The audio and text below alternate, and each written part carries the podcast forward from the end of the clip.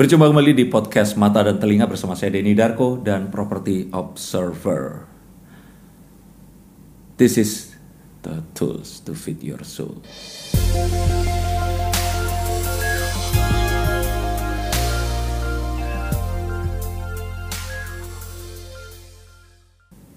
Saya harus eh, agak resmi di sini karena sedang dinilai oleh seorang pakar bahasa Indonesia. Saya akan membuka ini dengan sebuah, uh, saya dulu kuliah di ITB dan saya tahu bahwa beberapa jurusan ini passing grade-nya tinggi. Teknik elektro, kimia, mesin, industri, seperti itu. Jadi teknik kimia tuh juga termasuk di dalamnya adalah yang passing grade-nya paling tinggi. Dia ini sebelum lulus juga perusahaan minyak, perusahaan-perusahaan asing terutama itu udah ngantri buat menerima dan ini benar-benar yang paling kompetitif di ITB. Dan beliau ini memiliki gelar S1 itu teknik uh, kimia, uh, teknik informatika di kuliah S2-nya di Universitas Indonesia, tapi malah sekarang ini menggeluti bahasa Indonesia yang saat ini at this very moment This is not popular uh, choice by the youngster in Indonesia. Nah, seperti itu ngomongnya. Apalagi anak jaksel suka dicampur-campur pakai bahasa Inggris biar ke Inggris. Dia udah 14 tahun malang melintang di dunia bahasa Indonesia dan berkampanye untuk kemajuan bahasa Indonesia. Jadi silahkan di googling, googling. Beliau ini adalah bapak Wikipedia. Apa kabar Pak Ivan Lanin? Baik Mas Denny. Saya memanggil orang itu bukan dari usia loh ya bukan juga dari uh, latar belakang suku dan sebagainya, tapi dari pilihan pakaian. ini kejebak gue. Saya kejebak nih pakainya batik. Habis lupa nanya mesti pakai baju apa. Gak apa-apa, gak apa. Tapi ini mencerminkan sekali. Cuman gini, kita di sini itu pertanyaannya akan unik karena menggunakan kartu tarot yang harus diacak. Iya, oke. Okay. Nah, silakan monggo diacak dulu. Eh serius nih? Iya langsung. diacak, bener langsung. Oke. Okay. Saya tuh tipe orang yang terlalu logis. Jadi untuk uh, ramalan nah. itu saya kurang percaya. Makanya sekarang coba buktikan bahwa kepercayaan saya itu harus diubah. Saya juga nggak percaya pak. Ini ambil ya? Ambil aja satu. Oke. Okay. Oke. Okay. Nah, uh, kasih langsung? Ya, kalau seperti ini jadinya sulap saya harus nebak gitu oh, apa. Iya, iya. Jadi begini, kartu tarot itu saya jelaskan lagi ada 78 kartu. Oke. Okay. Oke, okay, dan setiap kartu memiliki arti yang berbeda-beda tetapi memiliki kesamaan arti di seluruh dunia. Hmm. Jadi kalau misalkan kita ke Jepang, ke Norwegia, arti kartu The Eight of Wands itu pasti akan sama. Oh, oke. Okay. Jadi saya nggak akan mungkin bisa ngarang ini kartunya sendiri. apa karena yang nonton nanti ini yang uh, tahu knowledge tentang tarot, ini tadi pasti akan bilang oh Darko ini salah. Nah, tapi saya akan sambil menjelaskan karena saya nanti juga pengen belajar juga. Jadi kalau dari wands atau tongkat sendiri ini artinya adalah harapan hope. Dan hope itu uh, jadi kayak kayu itu kalau di kartu tarot ceritanya kalau ditanam bisa jadi pohon besar. Hmm. Kalau seandainya dia orangnya uh, di kegelapan atau orangnya buta, dia bisa jadi penuntun hope yang akan bisa membawa kita ke mana pun kita pergi. Dan kalau di Eight of Wands, jadi kalau dalam kartu tarot ini mirip kartu remi, ada uh, Mayor Arcana, Minor Arcana. Nah di Minor Arcana ini ada kayak kartu remi yang dari As sampai ke 10. Hmm. Jadi ada Ace of Wands, Two of Wands, Three of Wands terus sampai Ten of Wands oh, okay. menggambarkan tentang pencapaian hidup dan uh, apa yang harus kita lakukan dalam kehidupan ini. Kalau awal ya awal, middle dan di ending ini menuju ke puncak atau klimaks atau mungkin adalah downfall. Okay. Nah, ada macam-macam di situ. Nah, di Eight of Wands sendiri ini sudah ke-8 dan tampaknya segala sesuatu itu berjalan dengan cepat dan sudah keinginan ini sudah terwujud. Oke. Okay. Uh, eh, kalau boleh diceritakan misalkan saya dulu dari saya dari kampung dari Tulungagung hijrah ke Surabaya dan ke Bandung itu kuliah di ITB itu kayak dari kecil memang udah dikasih tahu dan plotnya itu selalu jelas kalau di uh, Bandung kan SMA 3 terus kuliahnya kemudian akan di uh, eh, ITB seperti itu. SMA dulu di? SMA 3 nah SMA 3 ya. Terahnya itu udah jelas gitu loh. Itu ITB S2 di UI lah kok murtad? Belajarnya ke yang lain gitu. Ini tampak sudah tersusun tampak sudah benar-benar uh, proper dan diinginkan oleh semua orang. Kenapa pak? Kok tiba-tiba saya nggak bilang ini lebih jelek loh ya. Yeah. tapi kenapa kok akhirnya ke sana Coba dijelaskan. Saya itu tipe orang yang mengikuti hati. Oke, tadi udah logis, terus sekarang mengikuti hati ya. Iya. saya tuh eh, kalau melakukan sesuatu itu harus cocok dengan hati nurani. Sebentar, kuliah S2 itu paling enggak itu tiga tahun. Iya. Ah, tiga tahun. Iya. S1-nya tepat waktu atau kayak saya? Waduh, tujuh tahun dikasih waktu. Oh ya, tepat setengah. waktu sebelum DO. Berapa tahun? Tujuh. Oh iya, sama kita. Nah, tujuh tambah tiga sepuluh tahun loh. Lah kok lama mengikuti hatinya? Karena pada setiap tahapan hidup itu kayaknya dorongan hati berbeda-beda. Hmm. Waktu dulu, waktu memilih S1 itu sebenarnya saya terus terang kecelakaan. Gimana? Orang lain kecelakaannya itu nggak sekolah. Ini kecelakaannya masuk teknik kimia ITB. Pasti dulu pengennya di Harvard atau mungkin di Yale. Saya tertipu. Gimana tuh? Dulu waktu SMA, guru kimia saya itu luar biasa. Pak siapa tuh kalau boleh? Namanya Pak Fitri. Masih ngab masih ngajar sampai sekarang? Udah, sudah meninggal. Udah meninggal Sudah ya? meninggal. Oke, Pak Fitri Jadi ini lucu. gimana nih? Pak Fitri ini dulu ketika mengajar, beliau itu sangat cara mengajar beliau tuh sangat menarik. Jadi saya entah bagaimana waktu saya mendapat pelajaran kimia Hmm. dari Pak Fitri, saya sangat tertarik dengan kimia. Oke. Aduh, ini jalan hidup saya nih menurut saya. Jadi waktu begitu diminta untuk cari jurusan, sama sekali tidak ada keraguan. Teknik kimia. Oke, jadi tabel periodik itu hafal semua. Apa? Kalau sekarang jangan tanya ya. Kalau sekarang jangan tanya. Ada jalan keledainya. Dulu kan untuk hafalin kan ada jalan Iya iya keledai iya kan. dinyanyiin karena Masih inget tuh Kabacana MGAL MNZN. Oh masih Masih inget ingat. tuh. Luar biasa. Karena kalau di bahasa Sunda itu kan Kabacana. Iya, kabacana. Artinya Eh, terbaca. terbacanya. Ya. Eh, jadi gara-gara Pak Fitri, saya suka sekali dengan pelajaran kimia. Oke. Dan waktu ada UMPTN waktu itu, saya langsung tanpa ragu memilih teknik kimia ITB. Oke. cadangannya pun kan waktu zaman saya itu mesti pilih cadangan kan. Cadangan teknik kimia itu, juga. eh, malah lebih parah. Waktu itu saya pilihnya Akademi Kimia Analis IPB. Niat tuh waktu itu pergi ke IPB ambil eh, ujiannya karena ujiannya kan nggak ikut UMPTN. Eh sebentar, UMPTN-nya kan tapi ada tiga dong pilihannya atau dua? Dua IPC, IPA, IPA, Eh, IPA. IPA. Dua. Apa pilihan keduanya? Informatika. Lagu nggak?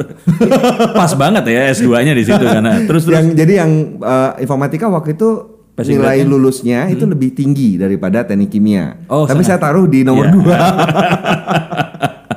nah, gara-gara eh, itu, pokoknya gara-gara Pak Fitri lah menurut saya beliau itu yang menjerumuskan saya. Begitu masuk ITB, ngikuti kuliah, ternyata alih-alih saya mempelajari kimia, yang saya pelajari itu cacing-cacing kalkulus itu loh. Karena teknik kimia ternyata itu bidang kimia yang urusannya itu berhubungan sama praktik Industri. industri Iya, begitu. Kalau yang diminta itu seharusnya kimia murni. Benar. MIPA. Ya, saya tertipu. Jadi pada fase pertama kehidupan saya saya sudah tertipu. Terus jalannya waktu begitu lulus saya menjadi pemrogram komputer. Oke. Bertahun-tahun tuh dari mulai lulus 2000 eh 1999 kan, 99 sampai 2009, 10 tahun tuh saya Di jadi- mana? IBM? Eh, enggak, eh, pindah-pindah. Oke. Cuma awalnya dari laboratorium ada salah satu laboratorium di Elektro ITB. Waktu itu saya ikut kerja di sana. Hmm. Oke. Terus pindah ke beberapa perusahaan lah. Oke. Bukan perusahaan-perusahaan besar. Ya. Nah, karena saya merasa tidak enak Hmm. hati kok ini jurusan apa bergaulnya urusan setiap harinya dengan komputer tapi nggak punya dukungan kredensial apa pun. Oke. Akhirnya ketika saya tahu uh, bahwa ada magister teknologi informasi di UI, Hmm. ikutlah saya 2009. Itu setelah lulus di Setelah itu lulus. dan kerja ya. Ya, Oke. sudah 10 tahun kerja itu 99 Ya, ya. sampai 2009. Sebenarnya yang dicari hitam di atas putihnya saja ya. Cuma itu Oke. aja. Oke. Cuma itu aja. Iya. Gara-gara ya, itu tiga tahun. Ya untung lah. Maksudnya selama S2 itu ada banyak momen yang saya oh ini yang saya kerjain selama ini. Karena waktu itu kan belajarnya otodidaktis kan. learning by doing. Ya. Iya. Sam- lumayan mengisi kekosongan bukan kosongan hati ya, kekosongan ilmu pengetahuan yang selama ini saya jalani. Iya. Jadi itu kenapa itu S1 dan S2. Oke. Jadi dilihat sebenarnya kedua-duanya itu mengikuti hati kan, Hmm. karena suka sama do- uh, gurunya yang pertama, yang kedua karena suka dengan profesinya. Iya. Nah, entah bagaimana 2000 sebenarnya itu sebelum harusnya saya sudah bisa membaca petanda-petanda yang diberikan oleh semesta. Wah, ini Oke. saya lagi ngobrol sama Mas Denny ini harus harus ngomongnya semesta nih. Jadi eh, sebenarnya 2006 itu saya sudah terkena wangsit bahwa jalan hidupmu adalah bahasa. Siapa? Nggak tahu. Waktu itu saya tiba-tiba Heeh. dari tadinya orang yang sama sekali tidak peduli dengan masalah bahasa, males ngomong di depan publik, males bikin tulisan. Oke. Tiba-tiba saya bertemu dengan Wikipedia. Oke. Wikipedia bahasa Indonesia. Heeh. Entah bagaimana situs itu menarik buat saya. Jadilah waktu itu saya menghabiskan waktu sehari kurang lebih 8 sampai 10 jam. Ngapain, Pak? Menulis menulis, Menulis di ya? Wikipedia. Oh. Jadi waktu itu magabut, makan gaji buta. Eh, datang ke kantor, pura-pura kerja, nyuruh staff, eh kamu kerjain ini, kerjain ini. Saya, Browsing? Ya, saya saya ngetik Wikipedia, bukan Oh. nganggur. Iya iya iya iya. Cuma eh itulah yang kemudian menyadarkan saya bahwa kemampuan menulis saya dalam bahasa Indonesia itu jelek sekali. Tadi saya yang menunggu itu adalah setelah saya belajar ini ngetik Wikipedia, saya terpanggil dan saya sadar bahwa ternyata saya itu jago sekali menulis. enggak, enggak. Bego banget waktu itu. Lihat terus kalau misalkan bego kayak misalkan sekarang ini saya begini, eh, saya jago sulap, saya jago ini, saya belajar makeup jelek, terus saya nggak akan belajar makeup loh pak. Saya orangnya penasaran. Oh, oke. Penasaran. Dia nambah tipe lagi, ternyata orangnya penasaran ya. iya. Ini kok eh, masa ngaku-ngaku orang Indonesia tapi bahasa Indonesia nggak bisa? Oke. Jadi gara-gara itu akhirnya saya belajar lagi dan saya membuktikan bahwa bahasa Indonesia itu kalau dipelajari itu sebenarnya bisa dirangkai menjadi sesuatu yang bagus. Oke. Nah sekarang kan banyak orang yang bilang nih bahwa ah bahasa Indonesia nggak keren, lebih keren bahasa asing. Iya. Sebenarnya menurut saya bukan bahasanya yang masalah.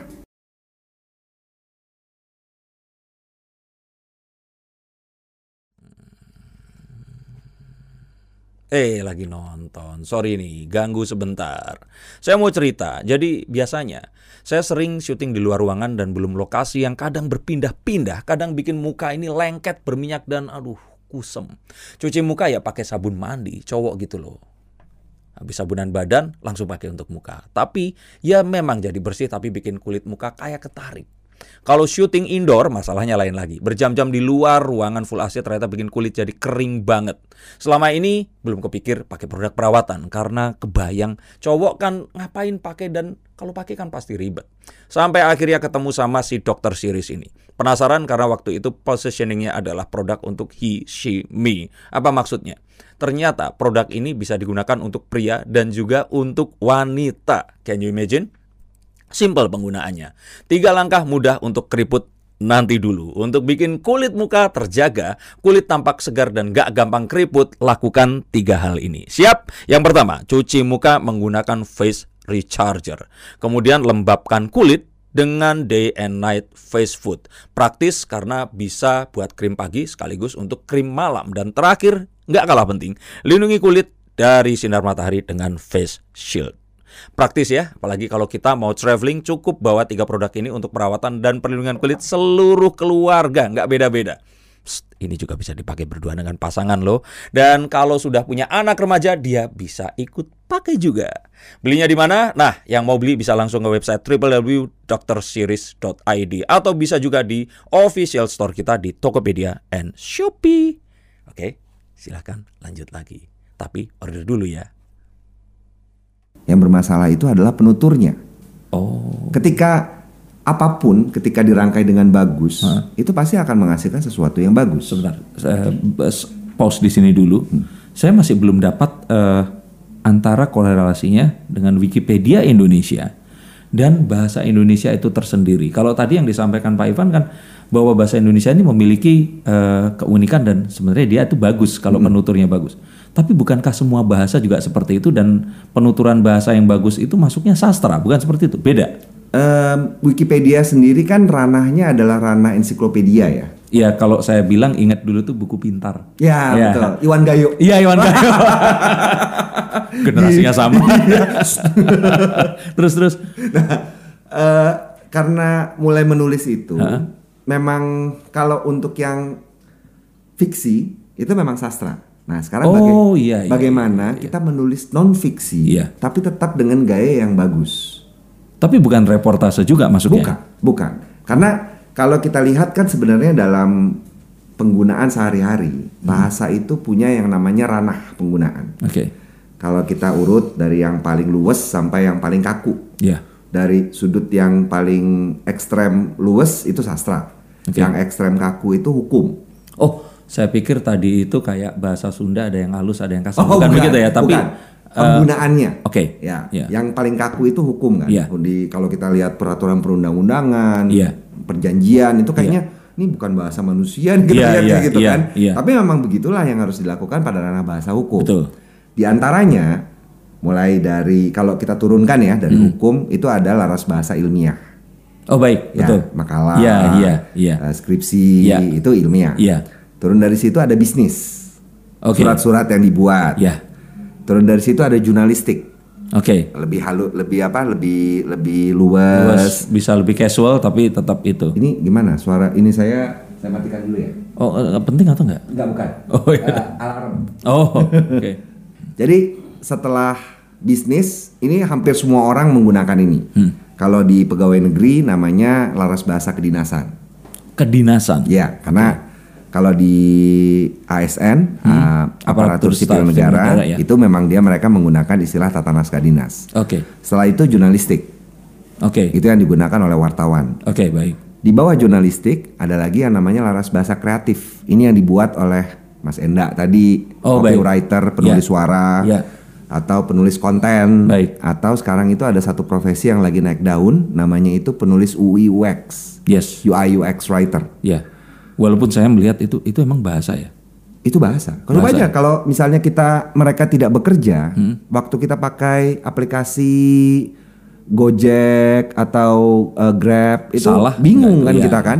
Nah, ini bayangkan bapak saya misalnya Hmm. ya, orang yang sangat tidak paham teknologi Hmm. begitu dipasangkan Gojek atau Grab, dia dengan beliau dengan cepat itu udah bisa memakai. Oke, bahasa itu berarti bukan dalam tataran eh, paparan kata saja, tetapi cara untuk menyampaikan satu maksud agar satu dan orang lain itu bisa terkoneksi begitu ya? Ya, benar. Karena tidak hanya dengan teks saja, kemudian ada ikon yang mereka gunakan, terus alur kerja. Iya, betul. Nah, baru jadi di antara sastra dan hukum itu ada banyak sekali laras bahasa yang berbeda-beda. Bandingkan tadi kan ilmiah, Iya. bisnis, jurnalistik, sama kreatif itu berbeda-beda kan. Oke, di dalamnya itu ada yang berbeda lagi. Ya, Oh, gitu. Jadi luas banget. Makanya eh, kemudian ketika seseorang itu ingin belajar bahasa, pertanyaan berikutnya adalah mau sejauh apa?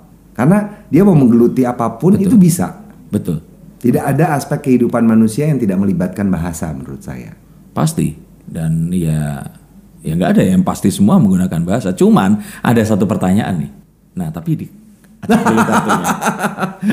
Jadi ini artinya apa? Oh ini tadi, jadi eh, setelah semuanya ini tercapai, kok malah bengkok ke arah yang lain Oh, gitu loh. Karena kan ini kan eh, apa achievementnya itu udah semua. Oke. Jadi kalau istilahnya itu tadi kan saya bilang, kalau kerja terus ternyata kerja di perusahaan-perusahaan minyak aja, Pak, itu kan anggap saja ya udah kerja dulu deh sampai akhirnya jadi. Saya kenal satu eh, ini orang tua teman saya, dia tuh akhirnya mungkin teknik kimia juga kalau nggak salah, dia kerja di Korea Hmm. dan dia salary punya salary itu 45 juta per hari. Hmm. Nah kalau dengan salary seperti itu, dia kan bisa bikin apa aja gitu, Iya, lah. Iya kan. Nah, tapi kan balik lagi di acara ini saya itu mempertanyakan pilihan orang ini tadi lah, seperti itu. Nah tapi pertanyaan awal ini tadi itu tadi sudah terjawab bahwa jawabannya dijerumuskan oleh Pak Fitri. Tapi sebenarnya nggak dijerumuskan juga loh, karena secara subconscious sudah dihipnotis, larinya akan ke bahasa. Karena dari awal diajarin kabacana. Iya betul. Iya benar-benar. Iya kan kalau buat ngebaca harus tahu bahasa pak. Betul betul. Silahkan diacak dulu. Menarik sekali ini. Ini mengambilnya bisa dari mana aja kan? Boleh bebas dari mana aja. yes, nine of coins. Nah seperti juga dalam gambar ada namanya bahasa gambar. Dulu pas saya ambil pasca sarjana ada satu mata kuliah namanya semiotik. Oh, ya. Ya, paham ya, tapi Ilmu simbol. Betul. Simbol itu tadi yang menerima ini siapa? Ditunjukkan dengan cara apa? Konteksnya bagaimana? Itu berbeda-beda. Nah, dalam artian di sini ini ada coins. Tapi kalau kita lihat koin, itu kan berarti kan lambang uh, yaitu tadi uh, kalau kita bilang gongsi facai kan semoga kaya dan sejahtera. Nah sejahtera artinya sehat kan. Hmm. Jadi kembali lagi kalau koin ini melambangkan kesehatan dan kekayaan. Nah kayak yang tadi itu pertanyaannya adalah the nine of coins. Orang ini udah hampir mencapai semuanya. Nah dan dia adalah orang yang memang harus tahu memvalue dirinya ini seperti apa. Saat dulu di teknik kimia, terus kemudian masuk ke teknik informatika, itu adalah sesuatu yang benar-benar semua orang itu mengerjakan itu tadi. Ya, sehingga cara untuk memvalue diri kita dan jasa kita itu akan mudah. Nah untuk pekerjaan yang dilakukan oleh Pak Ivan ini, pas banting setir, terus kemudian misalkan istri atau orang terdekat nanya gitu, Pak, nanti ini minta bayarannya gimana caranya? Nah itu yang saya intrik nih, ber, bertanya-tanya. Kalau boleh dibocorkan, waktu itu kepikiran nggak sih bahwa berarti ini itu akan melayani jasa untuk apa pak?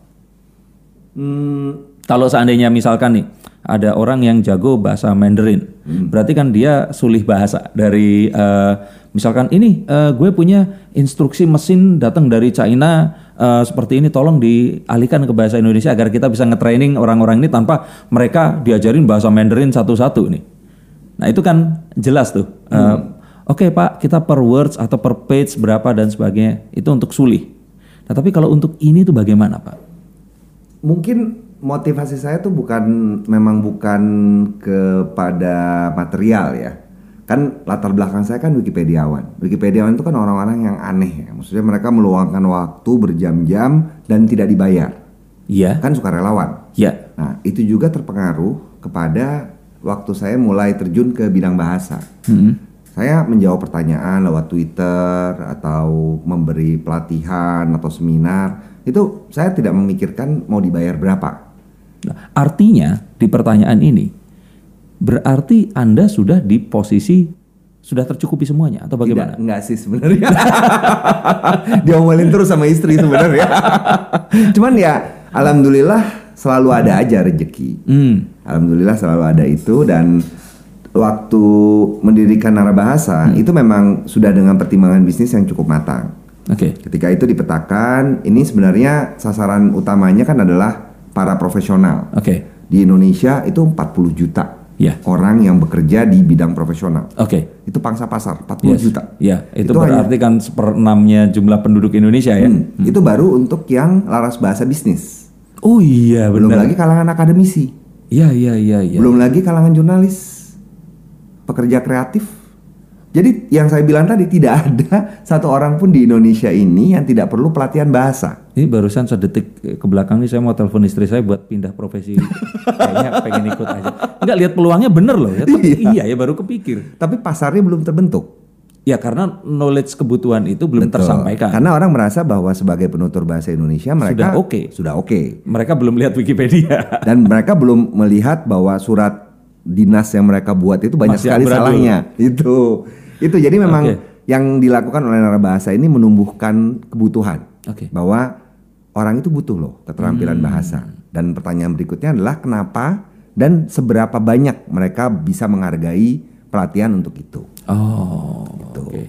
Nah, ini memang sudah difikirkan dari awal atau atau di tengah jalan dan kemudian apakah profesi ini memang ada di luar negeri?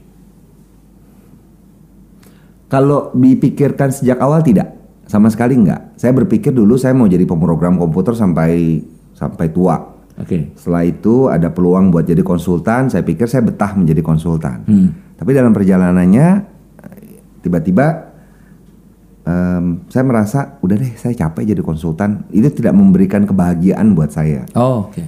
Saya membandingkan ya, saya uh, waktu tahun 2019 itu hmm. saya memang sudah ada banyak pekerjaan yang memberi pelatihan bahasa.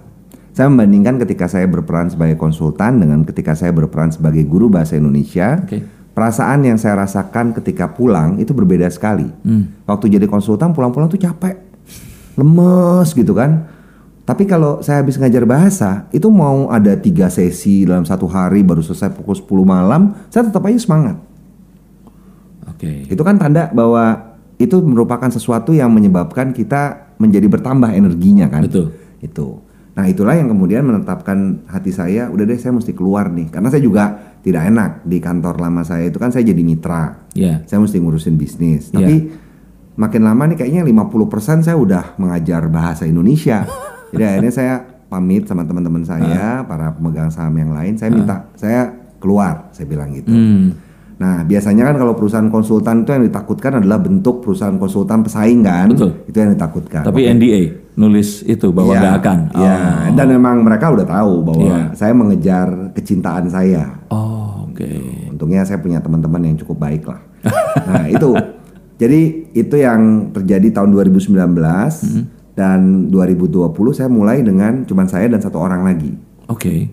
2020 Februari dan Maretnya langsung pandemi kan. Betul, betul.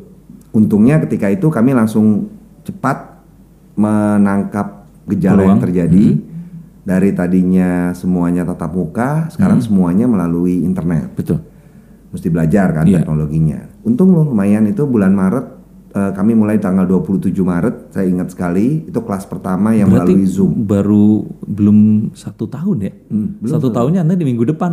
Ya, iya betul. Oke, apa yang dibawain pertama kali itu? Masih overview, mem- memberikan ini Langsung. pemaparan. Jadi kelas-kelas yang disediakan arah bahasa itu kelas-kelas yang sifatnya praktis. Jadi pembuatan surat, Oh, pembuatan laporan. Jadi masih pemenuhan kebutuhan industri yang ada saat itu. Ya. Oke. Betul. Karena memang itu tujuannya. Oke. Kalau belajar teori udah nggak ada waktunya lah. Maksudnya yang orang butuhkan tuh hasil nyata. Bagaimana Iya. setelah mereka mengikuti kelasnya Nara Bahasa, hasil kerja mereka itu jadi jauh lebih bagus. Hmm. Itu yang membedakan. Oke, oke.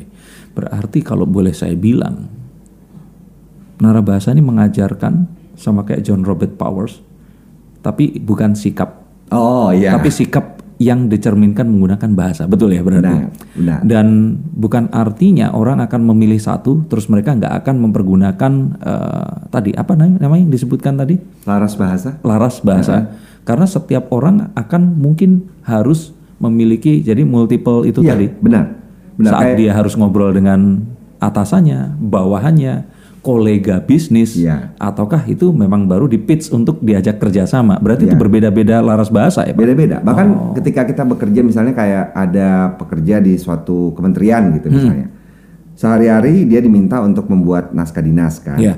Lalu pada saat lain dia mungkin diberi tugas untuk membuat siaran pers. Oh baik. Siaran pers itu sudah berbeda tuh. Itu harus bahasa jurnalistik. Iya iya iya. Kemudian dia diminta untuk mengisi konten di situs webnya, Hmm. situs web di kementeriannya misalnya. Itu udah beda lagi. Oh Jadi memang betul bahwa setiap orang itu bisa jadi diminta untuk menulis dalam berbagai laras bahasa. iya iya.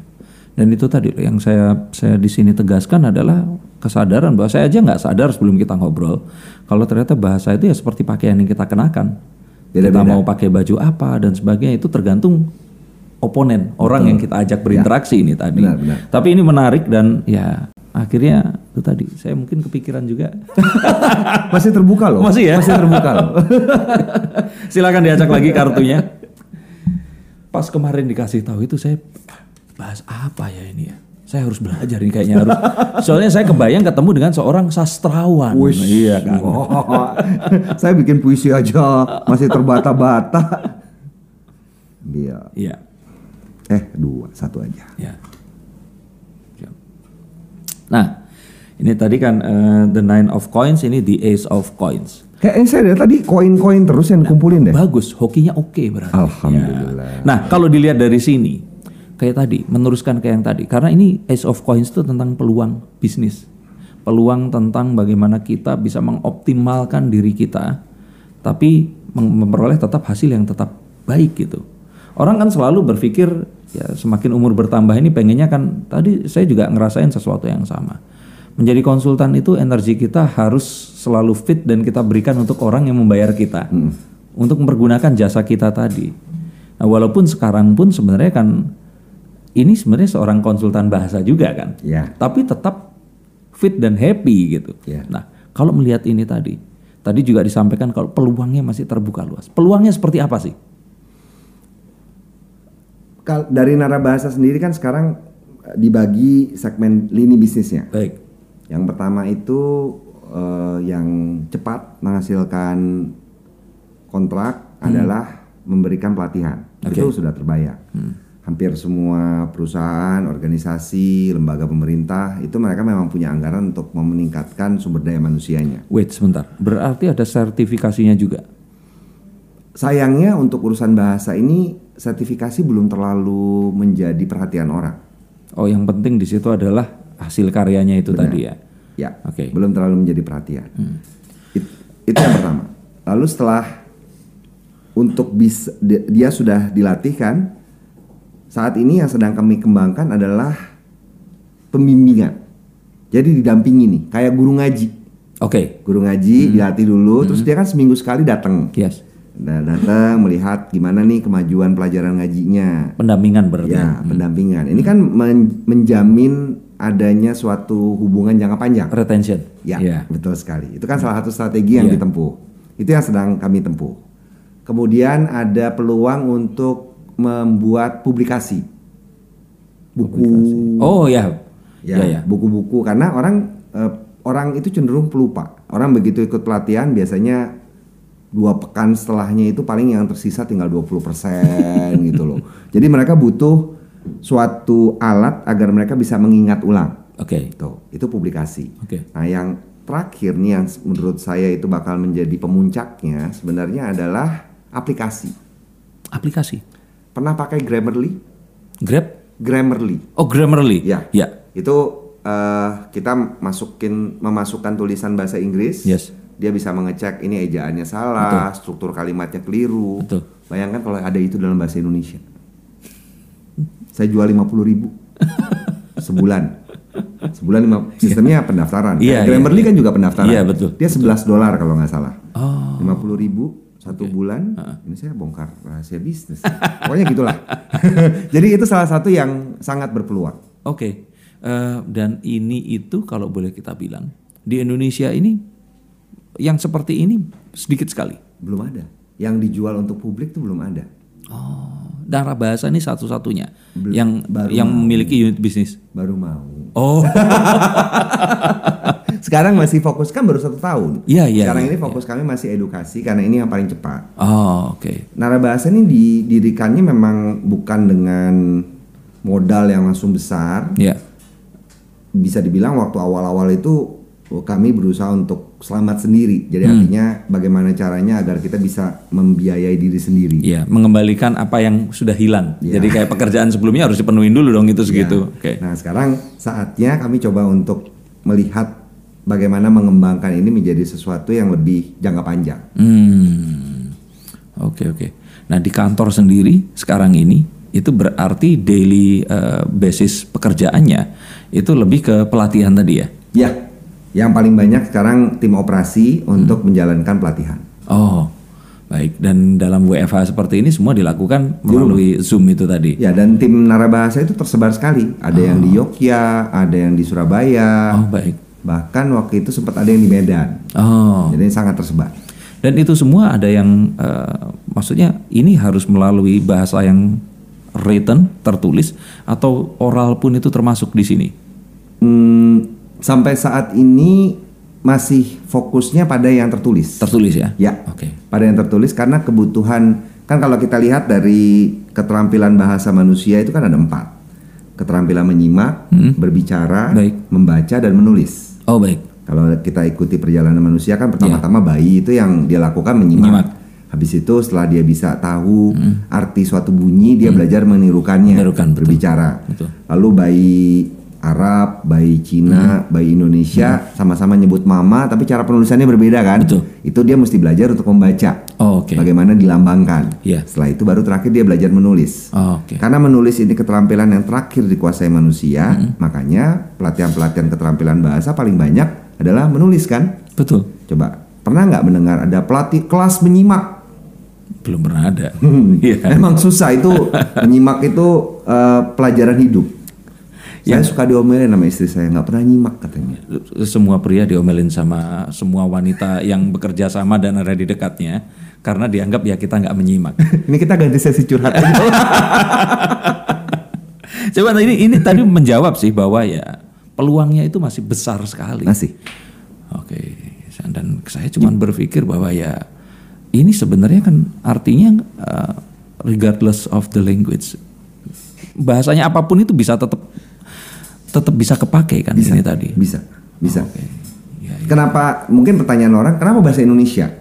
Pertanyaan orang kan kayak gitu Iya. kan. Kenapa nggak bahasa Inggris? Pasarnya tadi kan Kalau saya melihat 40 juta itu tadi ya. Benar, sama sampai kapan pun saya bela- belajar bahasa Inggris, saya tidak akan bisa mengalahkan para penutur asli bahasa Inggris. Hmm. Betul. Lebih baik saya kuasai bahasa yang merupakan bahasa asli saya. Ah. Itu alasannya sesederhana. Tapi kalau di itu tadi di apa namanya? eh, ya misalkan di UK gitu seperti itu.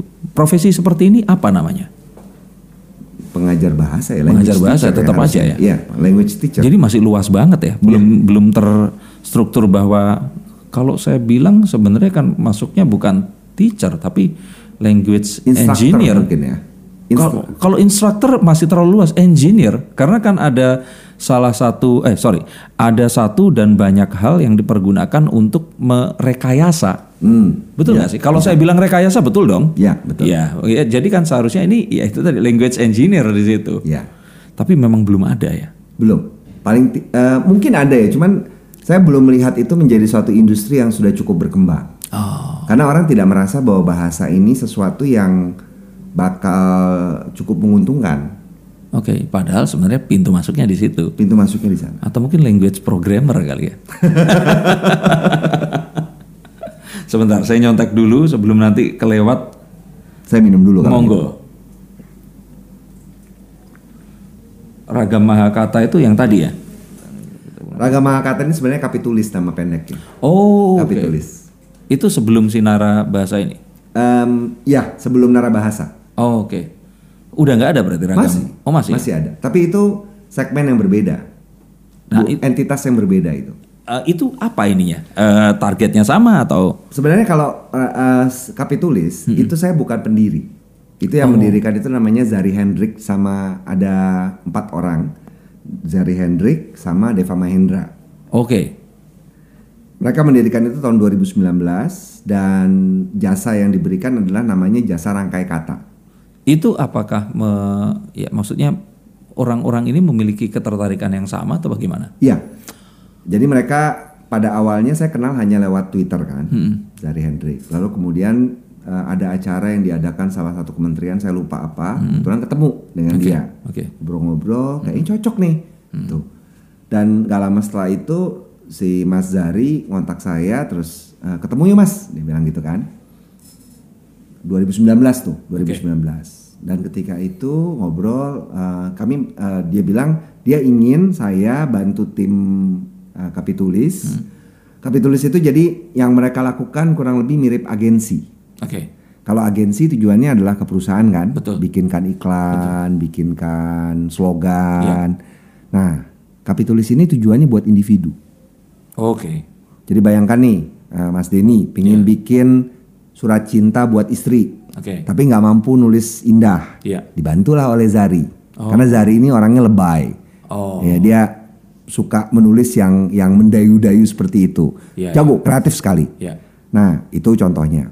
Terus misalnya mau menulis surat permintaan maaf Oke. atau mau menulis surat pengunduran diri. Oke. Nah, itulah yang dilakukan oleh Kapitulis. Oke. Nah, waktu itu Mas Zari menghubungi saya untuk minta tolong untuk memberikan pelatihan Hmm. kepada anak-anak Kapitulis. Oke. Mereka mengumpulkan dari beberapa penulis novel, Hmm. komika, orang-orang yang bukan dari awal, tapi memang mereka sudah punya kelihatan bahwa mereka tuh sudah punya gairah terhadap masalah bahasa dari segi sastra. Ya.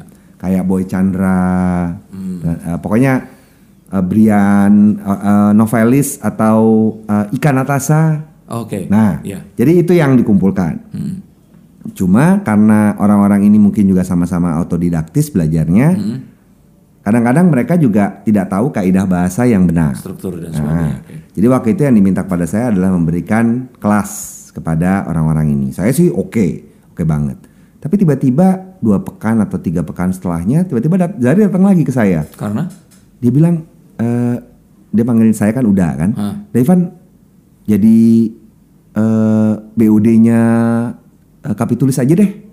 Jadi saya diajak bergabung. Oke. Entah bagaimana mungkin kimiawinya nyambung kali Iya. ya. Mungkin nyambung menurut dia. Akhirnya sejak itu ya sudah, akhirnya Agustus 2019 saya gabung dengan Hmm. Kapitulis sebagai perangkai kata sekaligus juga sebagai anggota direksi. Oh, baik. Nah, bisnisnya itu memang berbeda dengan narabahasa. Kalau narabahasa kan tujuannya adalah kepada kaum profesional untuk memberikan eh, edukasi, edukasi bagaimana berbahasa sesuai dengan apa yang mereka kerjakan. Kalau kapitulis itu memberikan produk, produknya itu berupa tadi surat atau ya pokoknya seperti agensi lah. Iya, iya. Jadi bedanya yang satu layanan, yang satu lagi adalah menghasilkan produk. Iya. Itu jadi- bedanya. Oke. Kalau satunya layanan itu berarti ya apakah yang disediakan itu satu atau banyak dilayani di situ, tapi kalau ini langsung to the point ke Ya, apa hasil yang produknya. Ya. Betul. Oke. Beda, jadi bedanya itu. Oke, tapi menarik bahwa ya ini peluangnya luar biasa. Alhamdulillah. Monggo diacak lagi. Ini kayaknya saya, dari tadi saya beruntung terus koin terus loh ini. Sengaja ya? Jangan-jangan semuanya koin ini. Ya, kalau orang Minang mungkin begitu kan.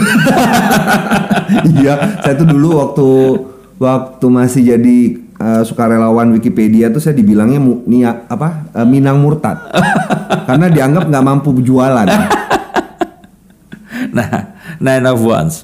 Tuh, tadi eight of wands sekarang nine of Ya, wands. ini diapit begini nih. Ini bagus loh kalau seperti ini. Jadi nine of wands ini adalah eh, orang yang memasang si ini tadi Hmm. semuanya terpasang. Nah, sebenarnya tinggal satu lagi dipasang.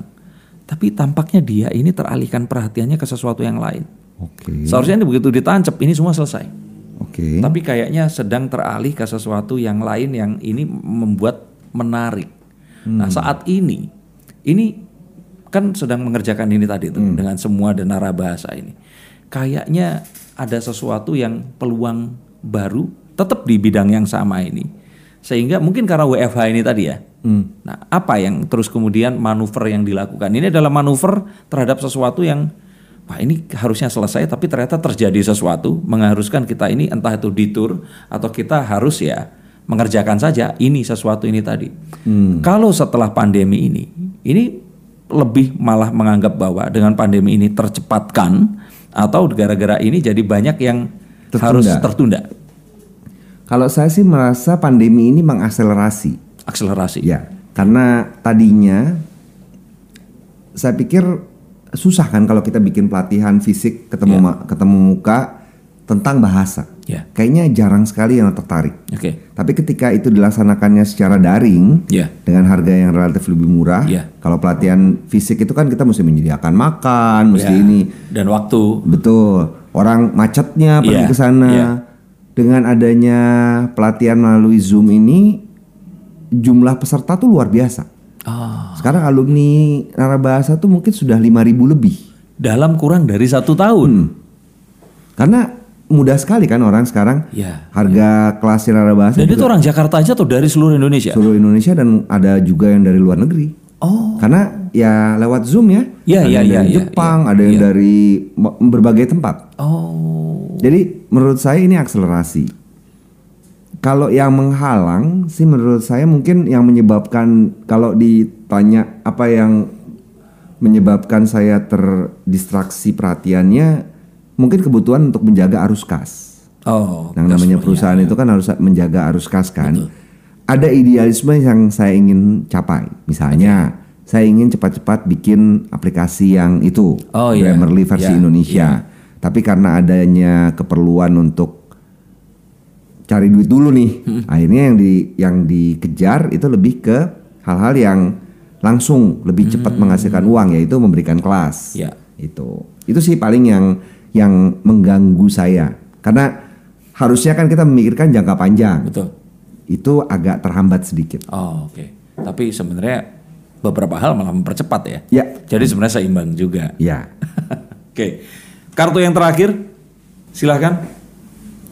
Ini yang tadi saya gali lebih di peluang dan memang ini sesuatu yang itu apalagi kalau Grammarly itu jadi yang versi Indonesia Iya. menarik banget loh itu. Iya. Makanya karena tertunda ini, wow, ini kayaknya menyeramkan nih. Nah, sebenarnya nggak menyeramkan ini The Moon, kartu yang menggambarkan dualisme. Segala sesuatu itu selalu diawali dengan keraguan. Kepastian yang paling pasti sekalipun itu awal pasti muncul keraguan. Nah, cuman keraguan memang nggak akan kita tinggalkan dalam bentuk keraguan, tapi kita selalu berharap memastikan walaupun di era keraguan sekalipun. Ke depannya, ini akan lebih banyak yang ini kan kita nggak pernah tahu pandemi ini berakhirnya sampai kapan. Nah untuk memastikan ini semua, memastikan cash flow, memastikan tetap narabahasa dan ini akan semakin besar. Kira-kira selain tadi dikatakan manuver-manuvernya itu tadi, harapan ke orang-orang yang nonton dan sebagainya ini apa? Hmm,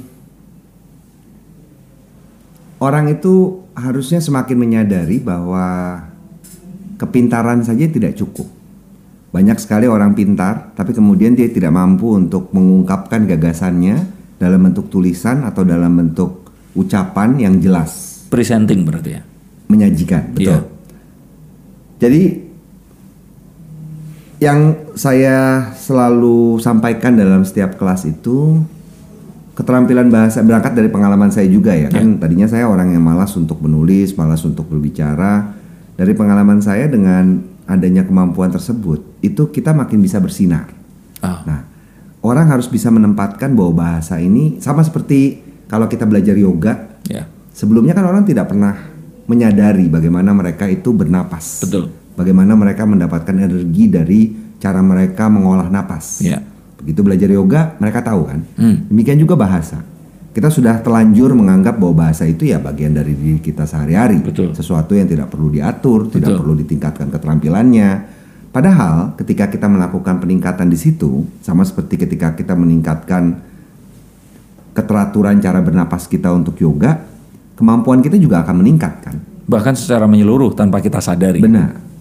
Tuh. Itu sih yang paling tidak belajar dari pengalaman saya. Ya. Gara-gara itu dari tadinya saya seorang pemrogram yang malas untuk bicara sama orang, waktu saya terjun ke dunia konsultan, saya tidak ragu-ragu berhadapan dengan direksi, komisaris. Oh. Padahal kan ya karena bidang manajemen risiko memang yang dihadapi kan orang-orang itu kan. Betul, betul. Waktu itu saya sama sekali nggak ragu karena saya tahu bahwa walaupun saya baru terjun ke bidang itu, Hah? tapi begitu saya ngobrol dengan seseorang, saya yakin orang itu akan terpesona dengan cara saya berbicara. Oh, Gitu. oke. Itu banyak nggak disadari. Banyak tidak disadari. Dan sebenarnya ini bukan jualan juga, tapi sebenarnya setiap orang pun awalnya harus sadar dulu ya. Ya, Dan mereka pun sebenarnya bisa mempelajari ini pun dari ya yang ada dulu sebelum kalau memang mereka mau lebih serius lagi, itu bisa mengikuti pelatihan ini tadi. Bagus juga tuh. Masuk, masuk, masuk. Pelatihannya kapan ada lagi? Pelatihan nanti selam sepanjang bulan puasa Hmm. itu kami ada kelas eh, ngabuburit. Oke. Kelas ngabuburit cuman satu atau satu setengah jam. Harganya juga tidak terlalu mahal. Berapa itu? Setiap hari. Saya lupa deh itu tim pemasaran yang nyusun kalau tidak 100 ribu kalau nggak 150. Seka- Satu kalinya. Ya. Oke. Maksudnya tidak terlalu berat lah menurut Oh saya. iya iya iya iya. Dan kalau satu jam hingga satu setengah jam dan ilmunya ini bukan overview ya, tapi memang benar-benar memberikan sesuatu yang sifatnya bisa diterapkan dan dilatih. Ya. Oh, oke, menarik. Kayaknya saya juga harus ikut.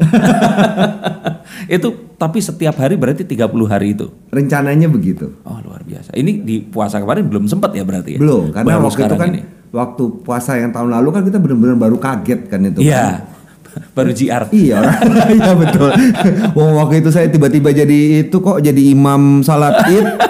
mesti mengarang bikin Di mana? Di rumah. Oh, rumah di sini atau di kampung? Enggak permata hijau di Jakarta. Jadi ketika itu kan bingung kan, ini nggak boleh ke masjid, cuman nggak enak kalau misalnya apalagi anak kan masih seneng dengan seremoni kan. Iya, iya, Kalau iya, orang iya. tuanya sih nggak nggak sholat nggak Iya, apa-apa kan. iya. Cuma anak ini kan kita nggak sholat nih, akhirnya karena tidak tega, akhirnya kami bikin Oh. undang tetangga. Oh, maksudnya biar saya pikir beneran di Permata Hijau terus ada sholat id. Enggak, enggak. Jadi di rumah kebetulan eh, dengan sebelah rumah cukup akrab, jadi akhirnya ngundang jadi dua keluarga. Oh, Nah, saya jadi katib yang eh, apa? yang kepala rumah tangga yang sebelah itu jadi jadi apa? Jadi muazin. sebenarnya kayak traweh tapi jadi ini ya. Iya, benar. Terima kasih Pak Ivan Alin. Sama-sama. Eh, senang banget berbagi dan akhirnya saya mengerti dan tahu tentang ya, bahasa itu ternyata bisa mengenhance kita ya dalam satu hal yang kita nggak pernah sadari sebelumnya. Dan yang lebih penting lagi adalah peluangnya ternyata luar biasa. Luar biasa. Betul. Dan artinya kalaupun ada orang yang menyadari ini terus melakukan ini juga, ini 260 juta nggak habis-habis. Iya makanya dan generasi berikutnya berikutnya lagi. Tapi terima kasih banget akhirnya terbuka mata saya, mata semua orang di sini, telinga semua dan agar mata dan telinga kalian selalu terbuka, saksikan dialog-dialog yang ada di program ini. Dan semoga apa pun itu akan memberikan satu manfaat untuk kita, terutama di masa pandemi seperti sekarang ini. Dan jangan lupa untuk ikut pelatihan narabahasa. Bukan saya loh yang promosi loh ya. Saya nanti minta bagian ini, Oke, jadi siap. free ikut gitu. Eh, kalau mau eh, websitenya apa? Atau di Narabahasa.id. Narabahasa atau kalau di eh, Instagram, Instagram, semua narabahasa. Cari aja. narabahasa, narabahasa ya. Jadi nggak akan ada yang lain ya narabahasa ya. Harusnya sih tidak ada. Harusnya tidak Karena itu unik sekali kan. Dan Oke. itu dibuat dari nara dan bahasa. Nara Ya. itu orang. Ya betul. Ada narasumber. Nah, Iya. oke. Sampai jumpa dan terima kasih selalu di podcast Mata dan Telinga bersama saya Denny Darko dan Property Observer. The tools to feed your soul. Terima kasih, terima kasih Pak Iban. Sama-sama Mas Denny.